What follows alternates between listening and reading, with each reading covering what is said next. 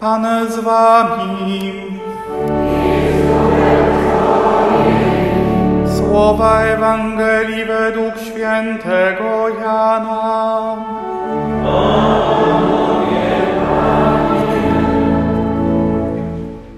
Wieczorem w dniu zmartwychwstania, tam gdzie przebywali uczniowie, drzwi były zamknięte z obawy przed Żydami.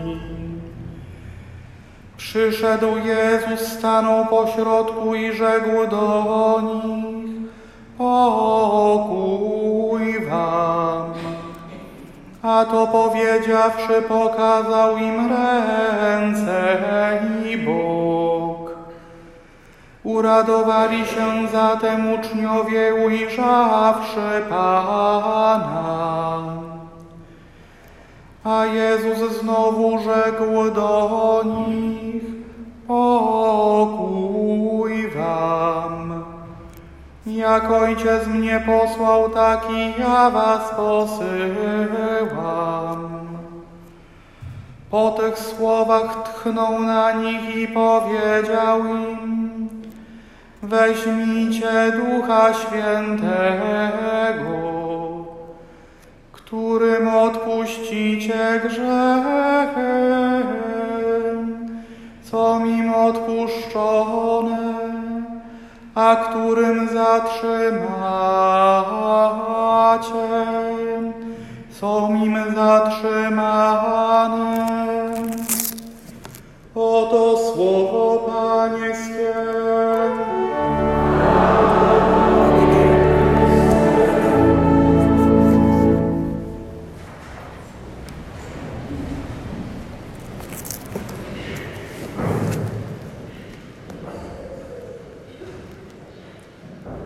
Kiedy słucha się opisu zesłania Ducha Świętego, jaki pozostawia święty Łukasz w dziejach apostolskich, najczęściej zwraca się uwagę na ten moment, kiedy wstępujący Duch Święty ukazuje się nad głowami apostołów pod postacią ognistych języków. Zdecydowanie rzadziej i zdecydowanie trudniej zwrócić uwagę na to, że jego obecność jest zaznaczona odrobinie wcześ, odrobinę wcześniej.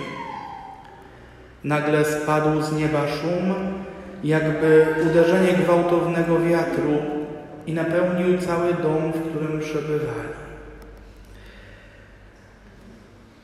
Wiatr jest ciekawym symbolem, bo tak naprawdę samego wiatru nie widać.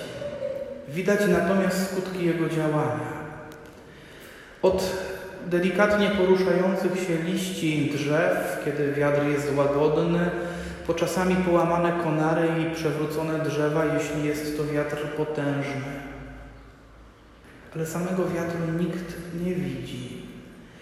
Tak samo jak nie widzimy powietrza, którym oddychamy, a które otacza nas z każdej strony, które jest niezbędne do naszego życia.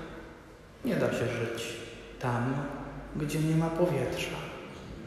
Człowiek, któremu odcina się jego dopływ, najpierw śnieje, potem doznaje przerażenia, wreszcie w konsekwencji może umrzeć. Mimo tego, że powietrza nie widać, nie można bez niego żyć.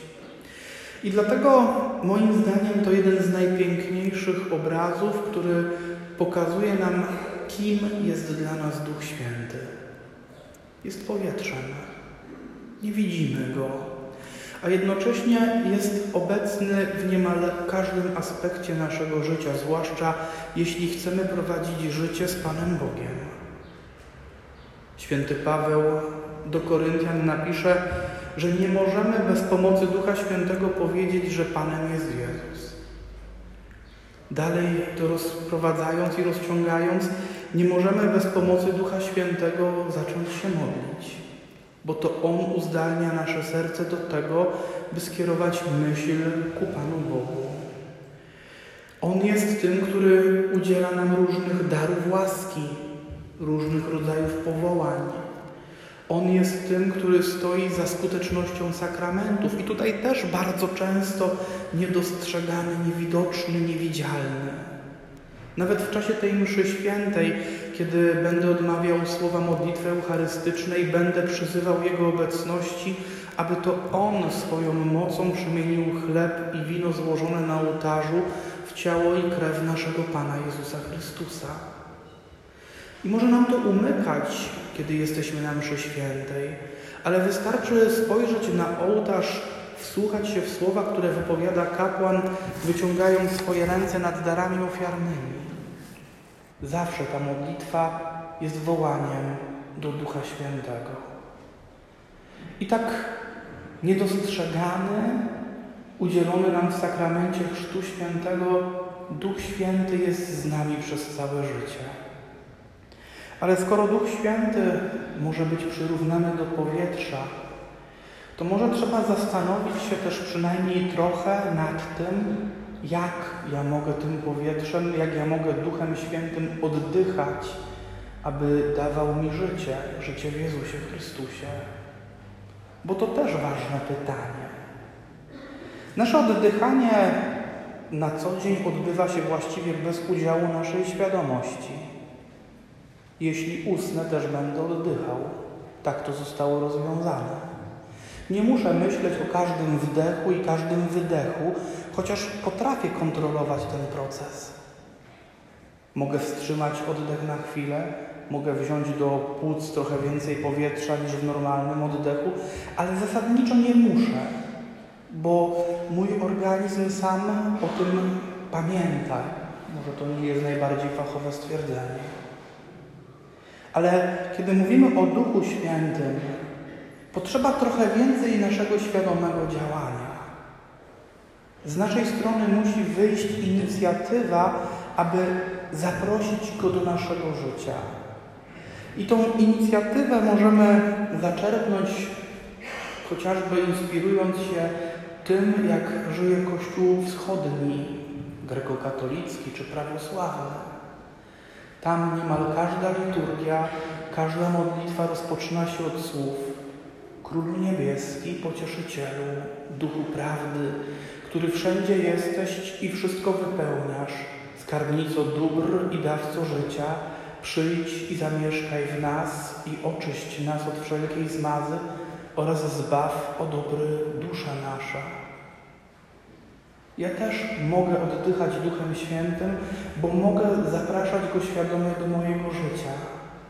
Mogę na początku każdego mojego pacierza, czy to porannego, czy wieczornego, zawołać: Przyjdź Duchu Święty. Mogę w ciągu moich codziennych obowiązków, przy pracy, przy spotkaniach z ludźmi wołać: Przyjdź Duchu Święty, uświęć ten czas. Przyjdź Duchu Święty, uświęć moje słowa. Przyjdź Duchu Święty, napełnij tę chwilę swoją obecnością. I to się nie musi dokonywać nawet na głos. Wystarczy w myśli przyzwać Jego obecności. Oddychać Duchem Świętym to wzywać Go do każdej chwili swojego życia. Tak jak w każdej chwili mojego życia obecne jest powietrze w moich płucach.